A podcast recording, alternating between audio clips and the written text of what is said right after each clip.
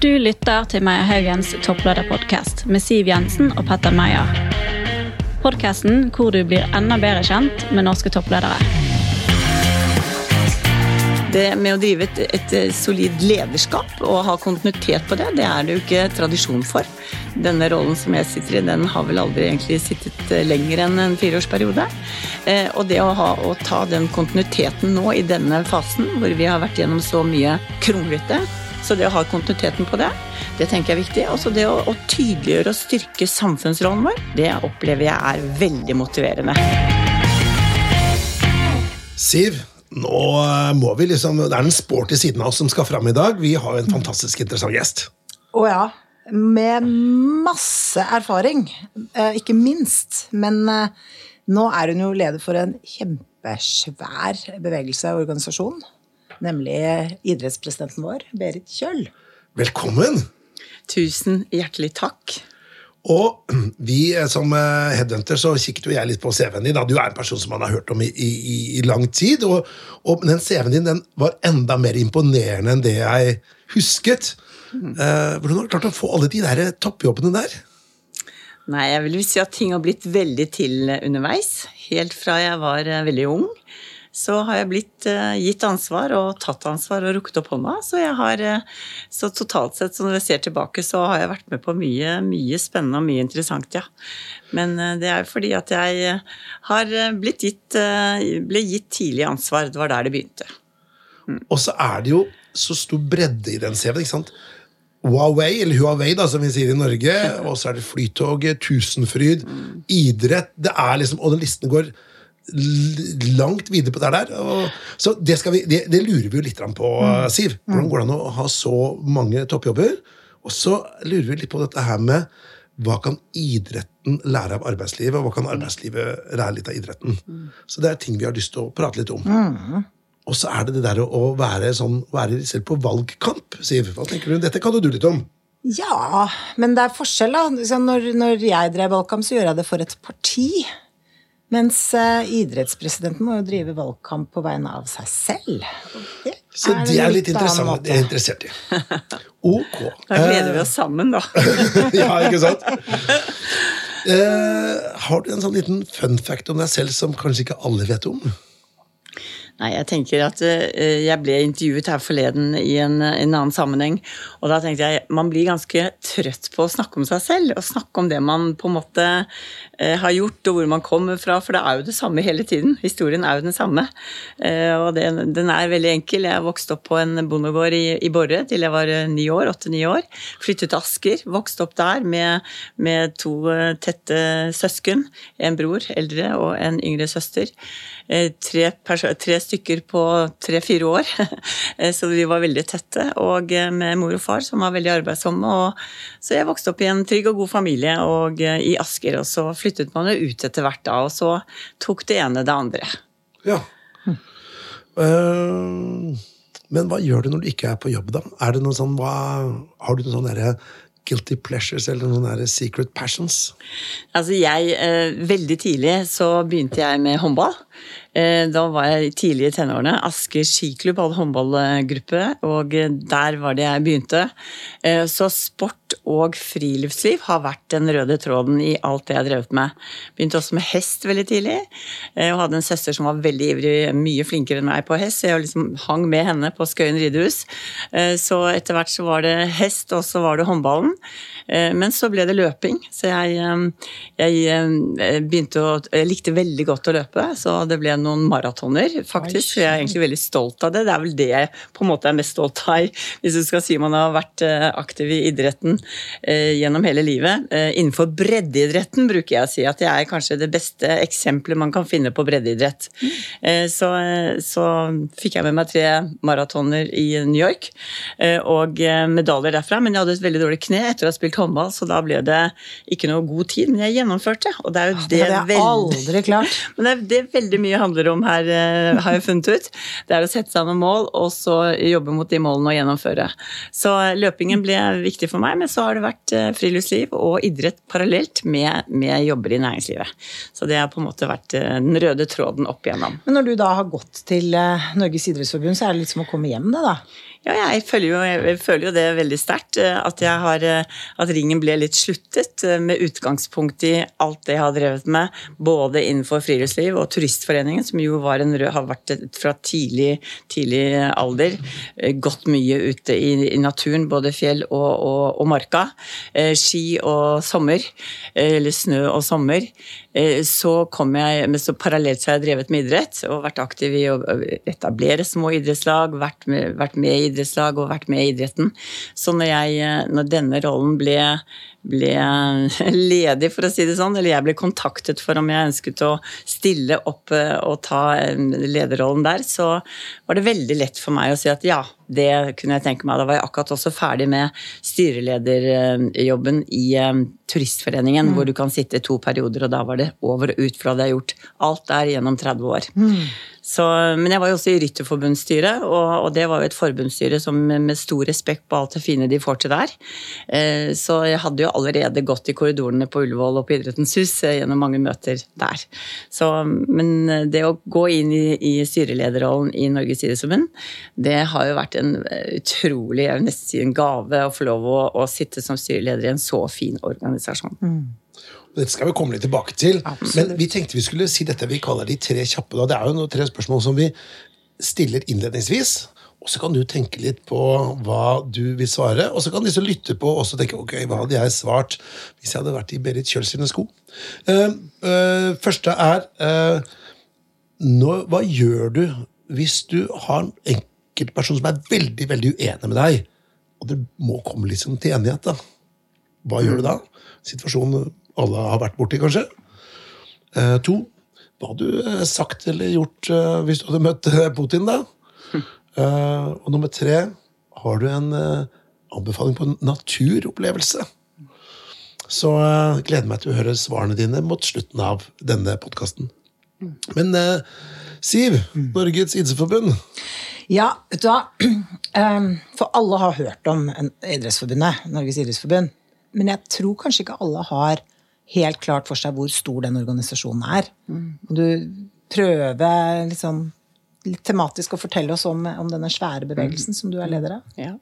Ja, det er rett og slett en, en stor bevegelse.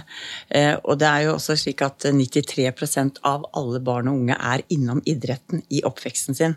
Så de fleste har jo et forhold til, til idretten og til organisasjonen. Men det er jo 55 ulike særforbund. De fleste kjenner jo til Fotballforbundet, Skiforbundet, Håndballforbundet osv. så Eh, og fra de største til de minste. De største det er jo da fotballen med, med flere hundre tusen medlemmer, ned til Castingforbundet, som kanskje har 1000 medlemmer. Eh, og, så det er hele spennet der. Så det er 55 særforbund. Og så er det jo da idrettskretser som er organisert som fylkene rundt omkring i Norges land. I dag er det 11 idrettskretser. Eh, så jeg bruker å si at vi har 66 organisasjonsledd som alle da har, er under paraplyen til Norges idrettsforbund, hvor jeg er styreleder, og hvor vi har et idrettsstyre som består av 14 personer. Så det er et stort styre. Men det alle har et forhold til, det er ikke særforbundene og kretsene og NIF, Norges idrettsforbund, det er jo det lokale idrettslaget. Mm. Det er jo det som er kjernen i det vi driver med, og det er det fine idrettslaget, eller idrettsklubben, som da er 9000 1500 steder i Norges land. Så det er jo rundt omkring i alle kriker og kroker. Og det er jo det som er limet, og det er der det skjer. Det er der barn, unge, mammaer og pappaer, besteforeldre, alle hører til. Og tar vare på og sørger for at barna i oppveksten får anledning til å være med på en idrett. Uansett hvor du kommer fra uansett hvilken bakgrunn du har, om du er funksjonsfrisk eller har en funksjonsnedsettelse. Alle skal ha en mulighet til å være med og være inkludert i idretten. Men hvordan takler eh, alle disse små klubbene strømprisen nå? Nei, den har vært utrolig tøff for veldig mange. Så der har vi jo gjort en, en grundig undersøkelse for å finne ut fakta, hva er fakta i situasjonen. Så det har vært eh, skremmende vanskelig for mange. Eh, nå sist så er det jo curling, eh, curlingklubbene som sliter i forhold til islegging. Vi har nå, sist i går var vi i debatt rundt Vikingskipet på Hamar som sier de ikke har råd til å legge is. Vi har forpliktet oss der til et EM i januar. Det er klart det blir jo veldig spesielt hvis vi skal avlyse det pga. høy strømpris, men vi vet også heldigvis at den strømprisen er ikke lenger på seks kroner. Nå er den nede på under krona, så dette varierer, så vi må jo tro. Men det som er viktig for en rolle som jeg har, og som idrettsstyret har, eh, og ikke minst en veldig dyktig administrasjon i NIF sentralt, eh, det er jo hele tiden å sørge for at vi har rammebetingelser som gjør at alle idrettslagene og særforbundene og klubbene rundt forbi klarer å opprettholde aktiviteten. Mm. Og vi fikk jo et enormt skudd for baugen gjennom pandemien. Det var stentøft i to år, men heldigvis så hadde vi, eh, hadde vi myndigheter som møtte oss på behovene våre, så vi klarte oss gjennom pandemien eh, stort sett veldig greit over hele fjæra. Mm. Men, eh, vi da, men vi mistet jo mange medlemmer. Eh, vi mistet jo 10% av medlemsmassen vår, og det er alvorlig. Det er da barn og unge i all hovedsak som går ut og som blir inaktive. Og det er en av de største utfordringene vi har i, i Norge, i samfunnet vårt. Inaktivitet og fedme.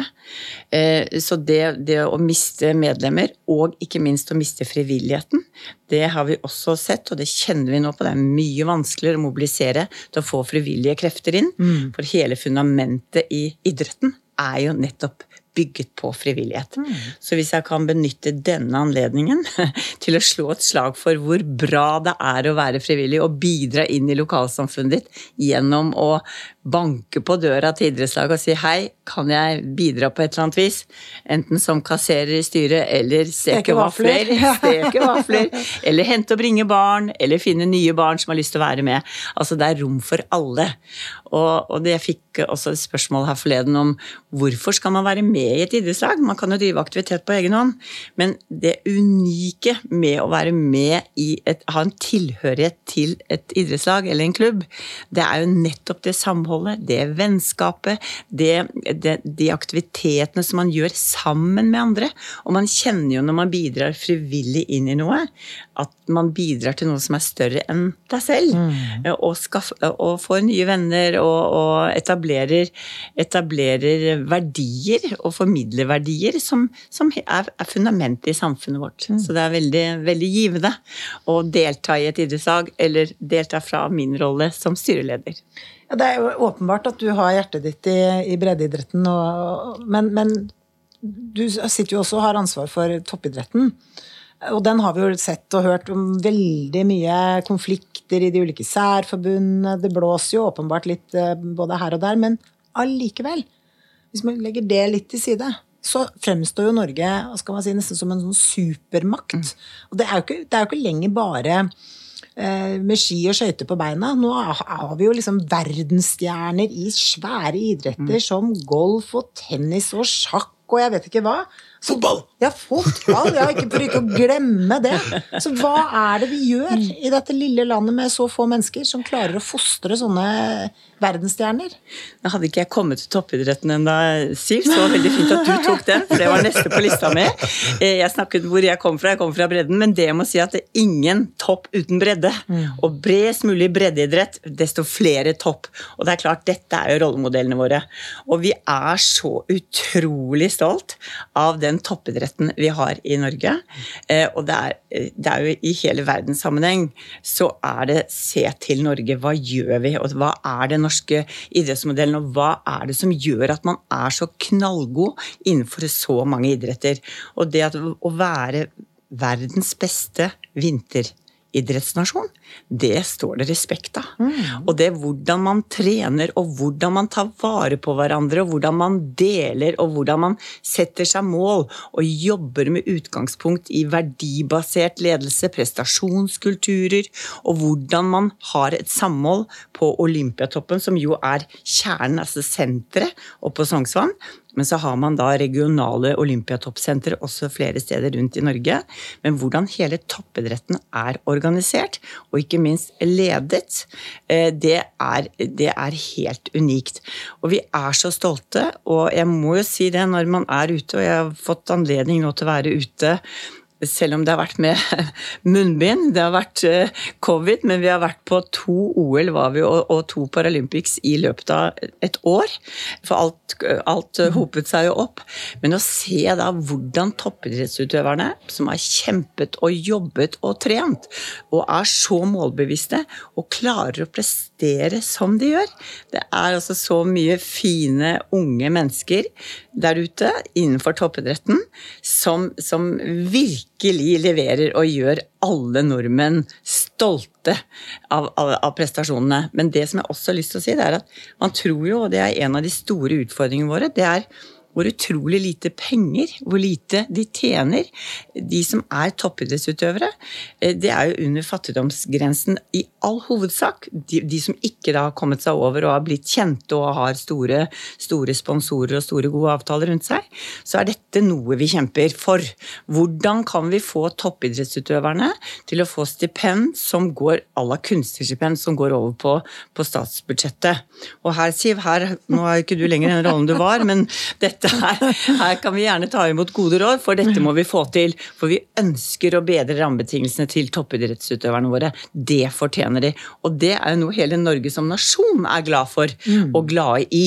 Så toppidretten og breddeidretten er det som, som er nerven og som er ryggraden i denne fine idrettsbevegelsen vår. Du eh, er jo da styreleder i Norges idrettsforbund og har vært det nå siden, altså i snart fire år. Og så er det snakk om du skal gå på en ny periode til, og du stiller til valg for det. Uh, hvorfor ønsker du det? Ja, Man blir jo valgt for fire år av gangen. Og Eh, dette er jo en heltidsjobb, kan jeg si. Det er tillitsverv, men du, er, du, jobber 100% og vel så det, så du er frivillig på toppen, for å si det sånn. Eh, og, og jeg må si det at eh, det har vært to, eller tre kanskje spesielle år av de tre og et halvt årene jeg nå har virket. Jeg har et halvt år igjen til valg, er ikke før neste sommer. To år med pandemi, ett år nå med denne ekstremsituasjonen med, med krigen i Europa. Og det er veldig mange gode, lange løp av prosesser som man har satt i gang med, med, med, med fornying, modernisering, med utvikling, lange, gode løp på veldig mange områder. Og jeg tenker, er, tenker at det å ha en kontinuitet å ha en stø hånd på lederskapet inn i å levere på alle de tingene man nå ønsker å levere på, eh, det er det som er motivasjonskraften min. Pluss at jeg har en fantastisk gjeng jeg jobber med. Eh, og det å få lov å være så tett på noe som betyr så mye i samfunnet, det tenker jeg er, det er veldig motiverende. Det handler om hvordan kan vi sikre de beste rammebetingelsene, sånn at idretten jeg sier at idretten er egentlig svaret på det meste av utfordringen vi har i samfunnet, tillater jeg meg å si. Eh, med tanke Pussig nok syns du det. ja, men det må jeg få lov å si. Ja, ja, ja. Eh, jo, jeg tenker i forhold til folkehelsa vår, i forhold til samfunnet vårt, og i forhold til hvordan vi har det som mennesker, så tenker jeg det hører til noe å bidra inn i noe som er ved siden av det du normalt går på jobben og, og familien. Jeg tenker at vi har en misjon som er utrolig gull, eh, og den må vi ta vare på. Så rammebetingelsene til idretten, det med å drive et, et et eh, solid lederskap og ha kontinuitet på det, det er det jo ikke tradisjon for. Denne rollen som jeg sitter i, den har vel aldri egentlig sittet eh, lenger enn en fireårsperiode. Eh, og det å, ha, å ta den kontinuiteten nå i denne fasen, hvor vi har vært gjennom så mye kronglete, som jeg er helt egentlig kanskje trygg på ikke går over heller, mm. så det å ha kontinuiteten på det, det tenker jeg er viktig. Også det å, å tydeliggjøre og styrke samfunnsrollen vår det opplever jeg er veldig motiverende. Så jeg tenkte, Og så er jeg en godt voksen dame, men så tenkte jeg nei. Og jeg har en mann som nå er i ferd med å, å gå over i pensjonen. Men han har så mye å holde på med og syns at den energien jeg har, den hører egentlig best utenfor hjemmet. Hører hjemme, hjemme best utenfor hjemmet. Sånn at jeg tenker ja, jeg, jeg rekker opp hånda og melder meg på, og så tar vi det derfra. Men da må du drive valgkamp, da, eller? Ja, nå, eh, jeg har jo drevet, jeg drev jo en, en kraftig valgkamp når jeg, ble, når jeg ble valgt for tre og et halvt år siden. Men på ekstremt kort tid, for dette var jo bare tre uker fra jeg liksom meldte meg ordentlig på til jeg, eh, til jeg ble valgt. Og det var jo heller ingen som trodde kanskje at jeg skulle nå opp der, for det var en veldig solid, mod, solid motkandidat som var innstilt. Men jeg, jeg, gjorde jo det da med knapp margin. Og, men nå er det slik at jeg, jeg tenker jeg kan jo ikke drive valgkamp nå. Nå må jeg fokusere på å gjøre jobben. Jeg tenker at det er den beste valgkampen jeg gjør. At jeg rett og slett leverer på det jeg har sagt at jeg ønsker å levere på. Ja. Og en av de tingene vi har sett at du har engasjert deg i, det er jo å få litt mer hva skal vi si, bredde, likestilling, mangfold i styrene. Det er jo litt mannsdominert, eh, mange av disse plassene, er det ikke det? Jo, vet du hva, jeg kom inn, jeg kommer da fra næringslivet, jeg kommer inn i styreleder i Norges idrettsforbund. Så, så, spør jeg hva er kvinneandelen her i styre, altså styrelederposisjoner. Det er jo 66 organisasjonsledd, eller 67 blir det med oss sentralt. Eh, og da fikk jeg høre at nei, det var 12,6% 12,6% Da holdt på dette av stolen! For jeg tenkte det var jo enda dårligere i næringslivet, for der har vi jo drevet og kjempet for dette lenge, lenge. Alltid. Eh, så da diskuterte vi dette i idrettsstyret og sa at her er vi også nødt til å legge lista på 40 mm. Vi kan ikke tillate oss noe annet, og det skal vi få til eh, i løpet av 2023. Og da svelget jeg ganske kraftig. Jeg tenkte hjelpe meg, 12,6% og 40% om et par år. Men det som er moro, det er at når man mobiliserer i denne fine organisasjonen vår, så, så bretter jo alle opp ermene.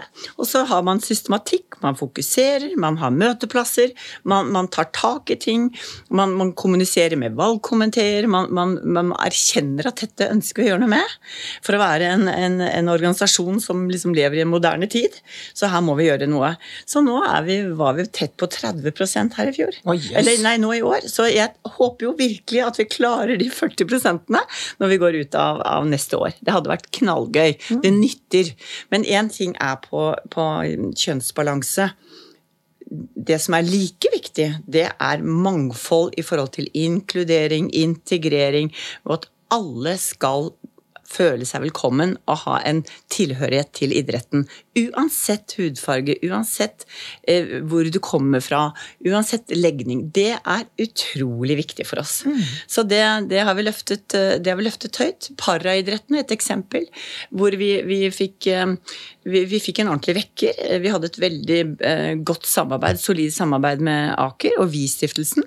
Så sa de opp eh, den avtalen over natten, og da ble vi slått beina unna. Vi tenkte hva, hva er dette? For den var veldig viktig for oss.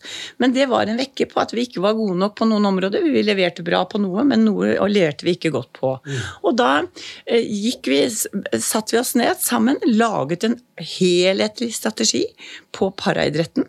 Som ikke vi satt og gjorde i NIF sentralt, men som man gjorde da med ulike særforbund. Som nå har fokus på på syv områder som er førende for at man skal nå i ethvert lokalsamfunn fokusere på å få med seg paraidrettsutøvere inn i lokale klubben, idrettsklubben. Og da er det med tilhørende ordninger hvor man kan søke midler for å, eh, for å, å tilrettelegge for aktivitetshjelpemidler, eller kjelker til de som trenger det, eller rullestoler som kan utøve spesielle idretter. Dette er motiverende å se hvordan man da produserer strategier, blir enige om strategier, vedtar de, og nå er det full aktivitet ute i hele idretten på paraområdet. Så det nytter, og det er veldig, veldig moro. Mm. Men dette handler jo om systematikk i, i ledelsen rundt omkring, og det er mange, mange dyktige, mange tusenvis av dyktige ledere og trenere i norsk idrett. Et, uh, du nevnte jo Aker, uh, og det er jo da stikkord til neste tema, som går på dette med idrett og arbeidslivet. Man har jo hørt hele tiden at at arbeidslivet kan lære så veldig mye av idretten, og det er jo åpenbart sant. Men hva tror du idretten kan eh, lære av arbeidslivet, da?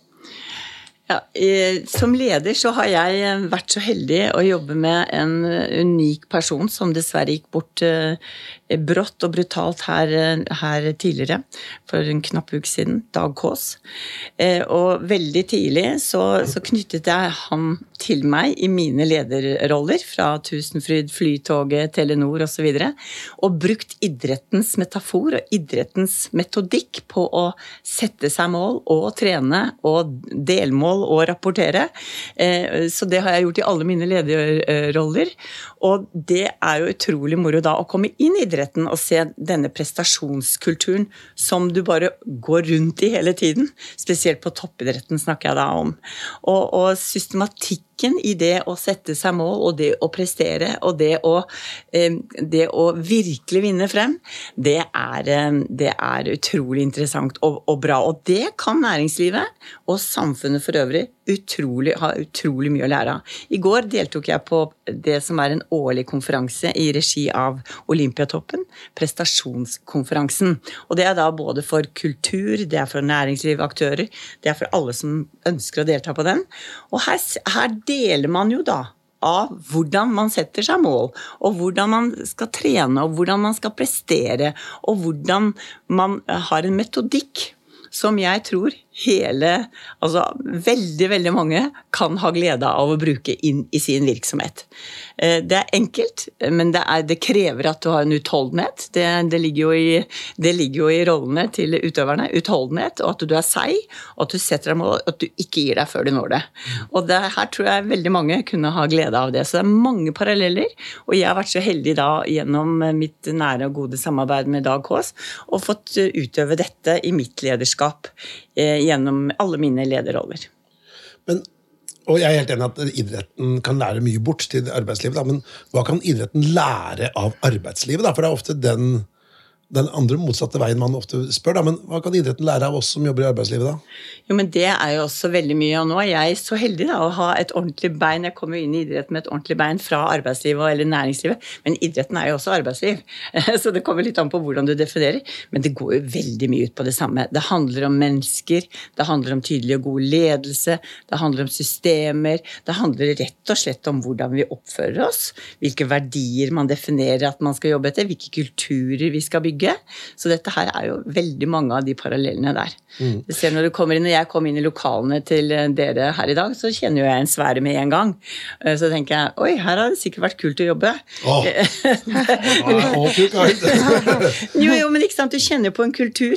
Du kjenner på en kultur når du går inn i, ulike, eh, inn i arbeidslivet, inn i ulike virksomheter. Ja. Det gjør du også når du går inn i idretten. Ja. ja. Hyggelig at du sier det. Det er jo ganske mye energi her. Nå ser jeg at du ble litt stolt. Ja, jeg blir jo det. Vet du, Jeg blir jo det, for jeg er jo hva skal jeg si, jeg er jo uh, managing partner her i, i Meierhaugen. Ja. Så jeg uh, så ja, nei, jeg blir veldig, jeg rødmer nesten litt. Men du, uh, skal vi prate litt om dette med toppledelse? Ja. Og tror du Altså du som da har ledet veldig mange forskjellige bedrifter i ulike bransjer. Tror du man kan man være leder for hva som helst, eller må man da ha et, et minimum av fagkunnskap før man skal lede bedriften?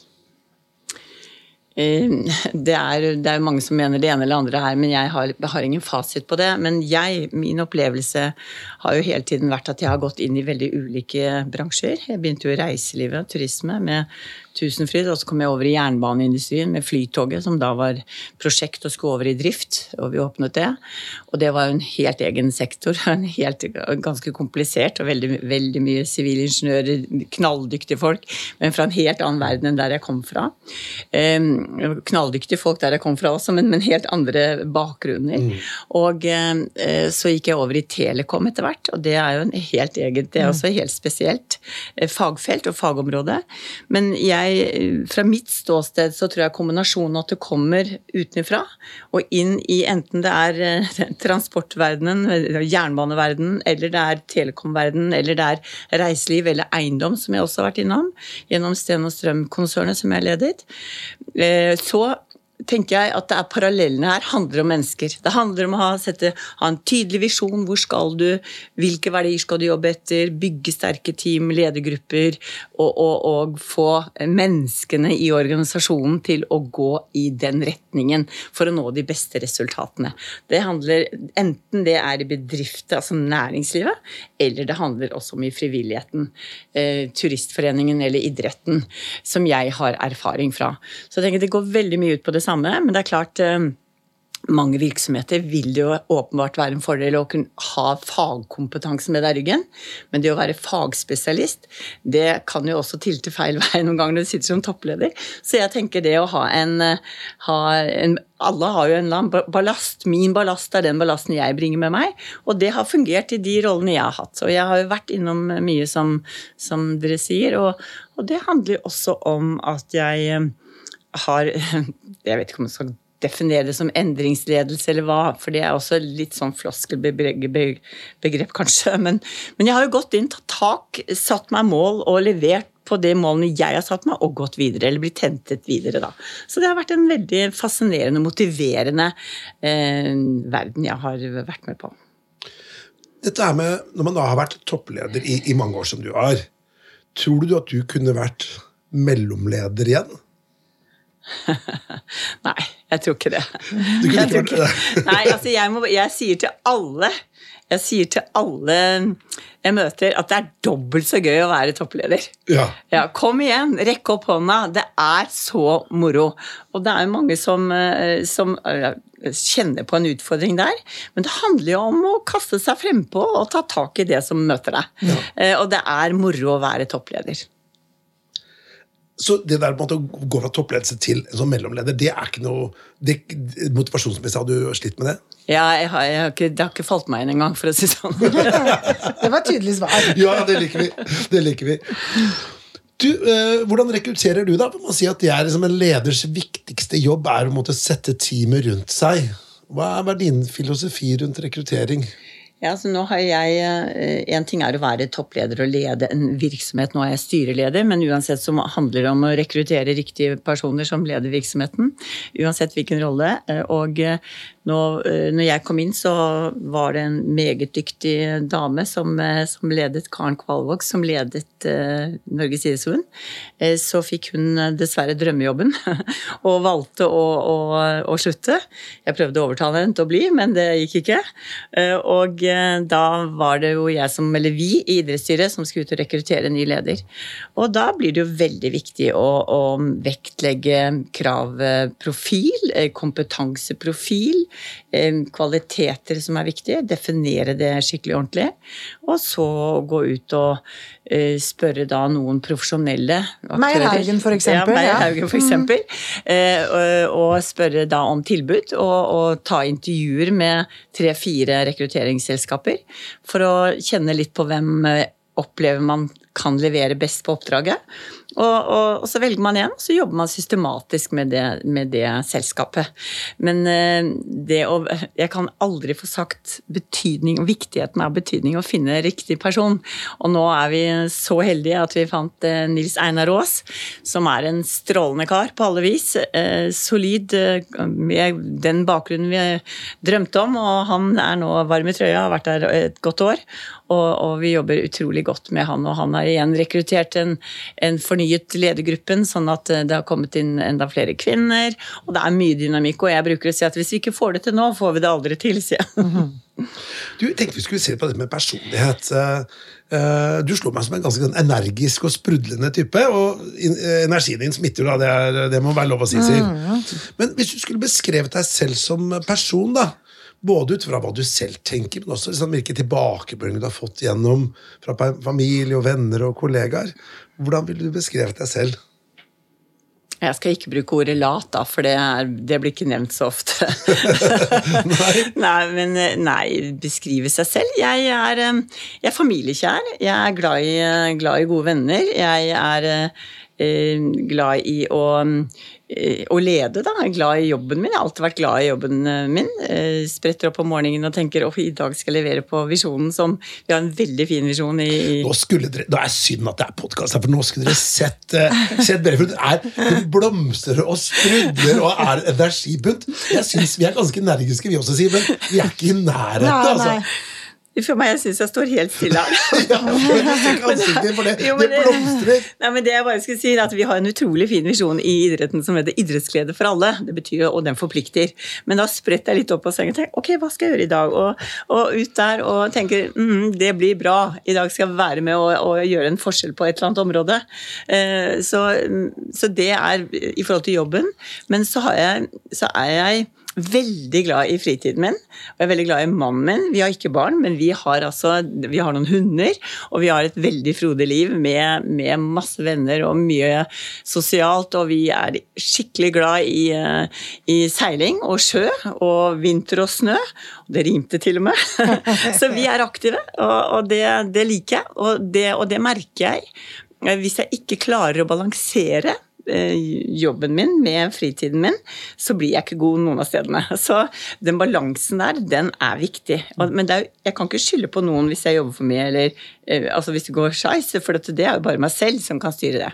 Så det å være leder over eget liv, det er også viktig. Det er ikke alltid like lett, men jeg prøver så godt jeg kan. Captain your own ship. Ja.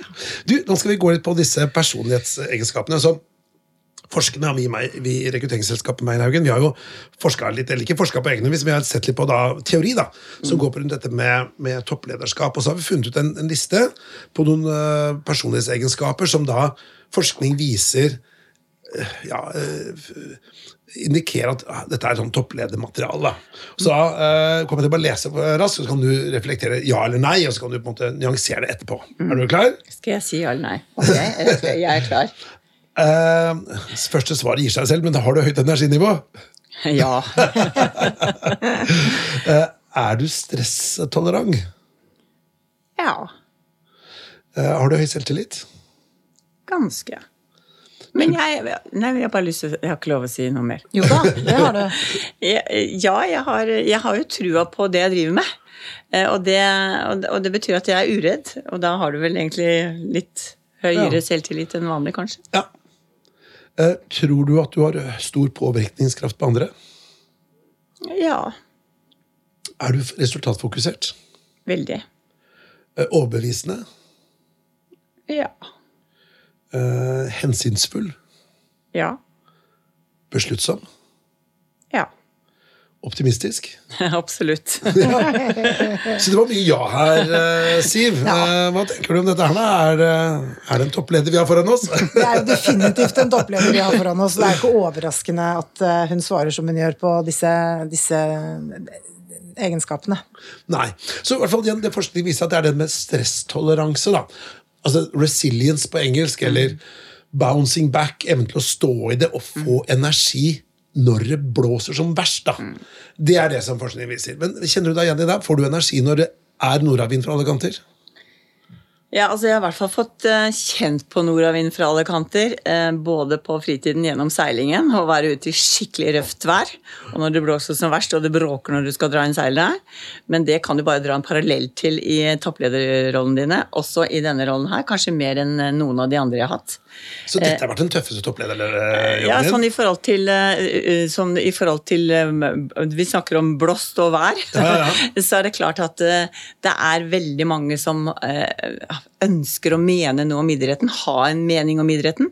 Og i begynnelsen så var det jo veldig mange som ikke var happy for at det var jeg som gikk av med seieren på valget. Nei. Og det var jo en hel gjeng eh, som holdt på lenge og prøvde å spenne bein under meg, og jeg tenkte at dette her eh, kan jeg ikke forholde meg til. Jeg må, bare, jeg må bare fjerne det. Så jeg fjernte, og har hatt fokus på å gjøre jobben.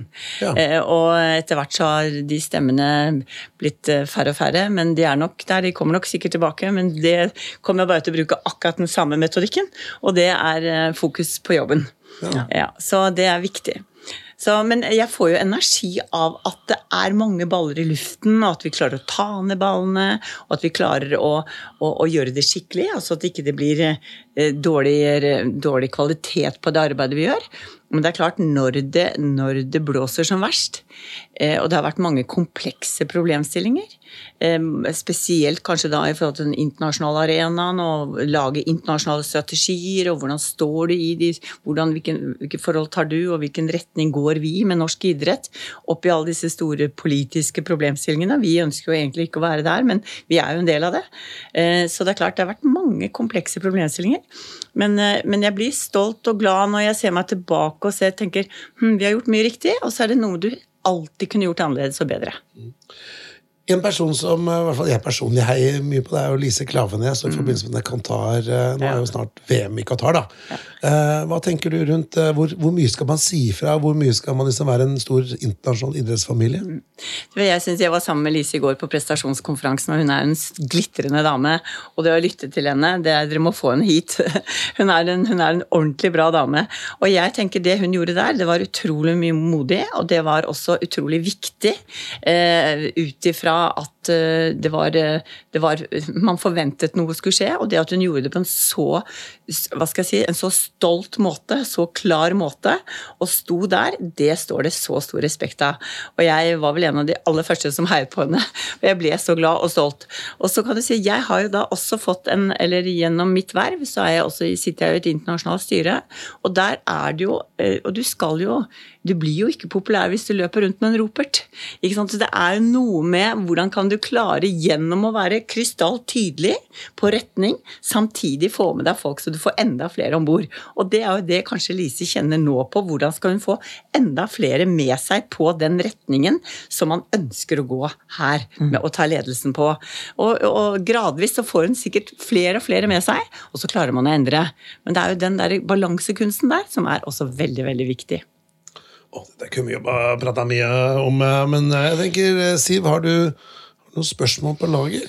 Ja, jeg har egentlig det. fordi gjennom, gjennom samtalen vår nå så har, du jo, har vi jo både touchet innom dette med at du skal liksom, ha motivasjon for å gå på en ny periode som idrettspresident, og så har du jo definert deg selv som en godt voksen dame. Um, hva, altså, for vi, vi er jo nå i en tid ikke sant, hvor vi begynner å mangle arbeidskraft. Og samtidig så er det litt den derre Det er ikke alle bedrifter som er like flinke til å beholde seniorene sine lenger. Hvordan skal man klare å få flere godt voksne da, til å ikke gå av med pensjon så tidlig? Ja, men Dette handler jo om den enkelte bedrifts eh, personalpolitikk. Eh, Og jeg tenker at det finnes så mye bra folk der ute, uavhengig av alder, men godt voksne. eh, Hvor man ikke skal se bare akkurat på årstallet. Men hvis man er motivert, har energi, har lyst og har driven og har kvalifikasjonene, så er det jo om å gjøre å beholde dem lengst mulig, tenker jeg. Det tenker jeg at vi som samfunn er, er tjent med. Rett og slett. Så, men jeg må jo le, for i går så satt jeg og hadde glemt å åpne en post fra Nav om at nå ble jeg pensjonist. Jeg blir jo 67 nå om ikke lenge. Og tenkte å herregud, hva er dette? Så måtte jeg inn og krysse av om jeg skulle ha pensjon eller ei. Og så tenkte jeg å hjelpe meg, er det der, er det der vi går? Tenkte jeg, Nå kunne man jo bare liksom på en måte takka for seg og takket ja til den eh, og, og dura i vei på en annen retning. Men så tenker jeg, vet du hva, det er jo det som er livet. Altså de valgene og det man står i. Og nå står jeg i dette. Og skulle det bli slik at jeg ikke står videre i det, så er jeg helt sikker på at da finnes det to-tre andre arenaer som er utrolig bra akkurat nå på veien videre. Så jeg tenker at eh, jeg er veldig heldig. Vi ser jo på en dame som ikke har tenkt å pensjonere seg sånn helt med det første. Petter. Nei, altså jeg må bare si det at uh, du er uh, inspirasjon til mange. Det må jeg bare si i forhold til energinivå. Så, så ja, det må, jeg, det må jeg virkelig si. Du, jeg tenkte vi skulle se på disse tre uh, kjappe, Merit. Så første spørsmålet var Når du da møter en person som er rykende uenig med deg, og, og dere må bli enige, da. Altså, hva gjør du da? Nei, eh, for det første, det det kommer litt an på typen.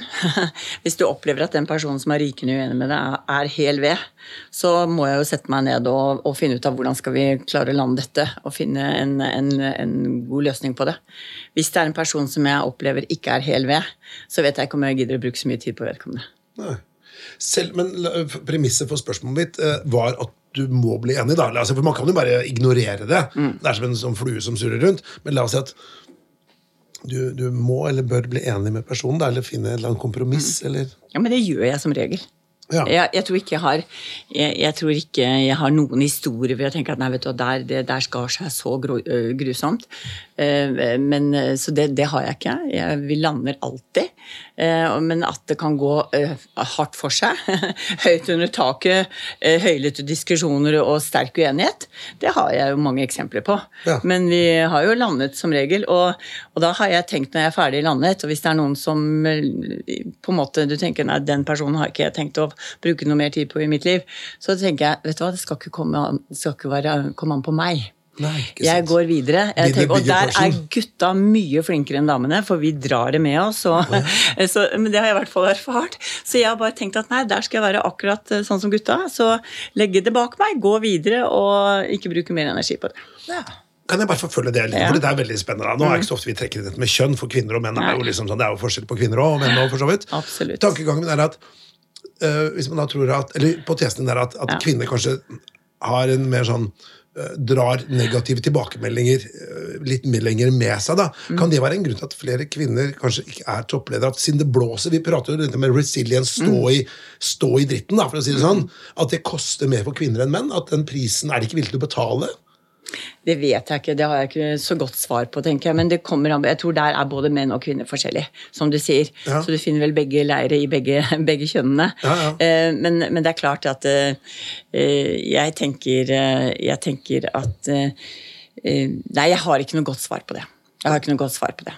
Jeg snakker ut ifra meg selv. Ja, Siv, har du du er, ikke, du er ikke ukjent med, å, med den problemstillingen du, kanskje, men har du noen refleksjoner? Ja, men jeg har jo veldig ofte sagt at jeg vet ikke om det har så mye med akkurat den problemstillingen som du drar opp å gjøre, men at vi, altså jenter generelt, da, er jo ofte skrudd sammen sånn at de vil mestre en oppgave 120% før de tør å påta seg den, mens menn er flinkere til å hoppe på um, et tog i fart. For de har på en måte lært gjennom generasjoner at um, det går fint. Så må vi jenter slutte å være så flinkiser. Mm. Uh, og ta oppgaver, utfordringer, når de kommer, og lære litt av gutta på at uh, vi blir gode på veien. Fordi ingen er jo Du er ikke født perfekt leder inn i en, en, en rolle. Du må lære, og du må gjøre feil, og du må gå på trynet. Det er jo sånn du blir god. Du kan ikke lese deg god. Nei. Nei, det kan du ikke. Men jeg, ser, jeg, er skikkelig stolt når jeg ser nå hvor mye bra kvinner det er i idretten. Som blomstrer og som nå kommer opp. Eh, og, men det er, handler også i næringslivet, så ser man at nå kommer det for fullt. Mm. Det kommer for fullt. Nå er det jo Problemet som var for ti år tilbake, er ikke så stort lenger. Sånn at dette her utvikler. Først vil man jo skylde på at ikke de var utdannet, men nå, nå er jo flertallet av studentene både i juss og økonomi og, og, vitenskap er jo kvinner. Mm. Så du har jo i hvert fall en veldig stor pool å hente. da. Jeg tror kombinasjonen av menn og kvinner er jo det aller beste. At det ikke er overdominert av det ene eller andre. Så jeg tenker at det er ikke lenge før vi er der. Definitivt. Du, vi pratet litt før sending her om det var en kulturopplevelse. Så sier du nei. Jeg vil ha en naturopplevelse. Ja, ja jeg kan godt ta kultur òg, for jeg er veldig glad i kultur og konserter og teater og det, alt det, hva det bringer med seg. Eller også museer. Vi er jo utrolig heldige i denne byen her nå da, med det nye Nasjonalmuseet og Munch-museet og, og, rundt forbi. Et veldig, veldig godt tilbud. Eh, nei, jeg tenker naturopplevelse. Det er fordi at jeg har det der i ryggraden. da. Altså fort jeg kan, så er jeg, så er jeg ute. Eh, og, og enten at jeg driver aktivitet idrett, eller at jeg driver da eh, driver eller rusler i skogen, eller plukker sopp, som jeg gjorde nå forrige helg. Og, og jeg må jo bare si at det, fins så mye fin, eh, fin natur, men der, der er jo idretten bruker jo naturen som sin arena for å trene i, så det går jo helt i hverandre. Men, eh, men det å og Jeg og min mann vi, har, vi seiler, så vi har seilbåten nordpå nå. Og den seilte vi opp for fem år siden, og vi skulle egentlig ned igjen neste sommer, men vi ble der oppe, for vi bare elsker å være oppe i den fantastiske naturen eh, med de fjellene og med nordnorsk kultur og mm. direktheten fra nordlendingene og alt det som skjer der. Eh, så vi, vi, vi, er i land og titter på hvor, hvilke fjell kan vi gå på i dag, og, og hvilken topp kan vi gå på nå. Så jeg var så heldig å være på Vågakallen i sommer. Det var en tur som jeg også hadde invitert med meg kulturministeren på, men så ble den avlyst pga. Av streik på teknisk personell på fly. Så, men min mann og jeg gikk sammen med, med, med presidenten i Klatreforbundet, Stein Tronstad.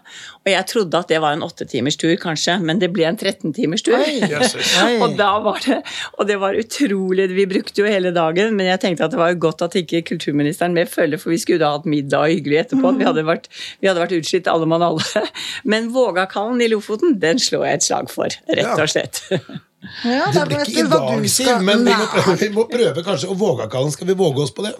Ja, hvorfor ikke?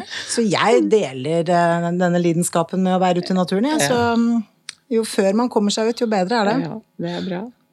Bra. Du, da tenkte jeg vi skulle gå inn for, eh, for landing her. Uh, Berit, veldig hyggelig å ha deg her, og veldig interessant.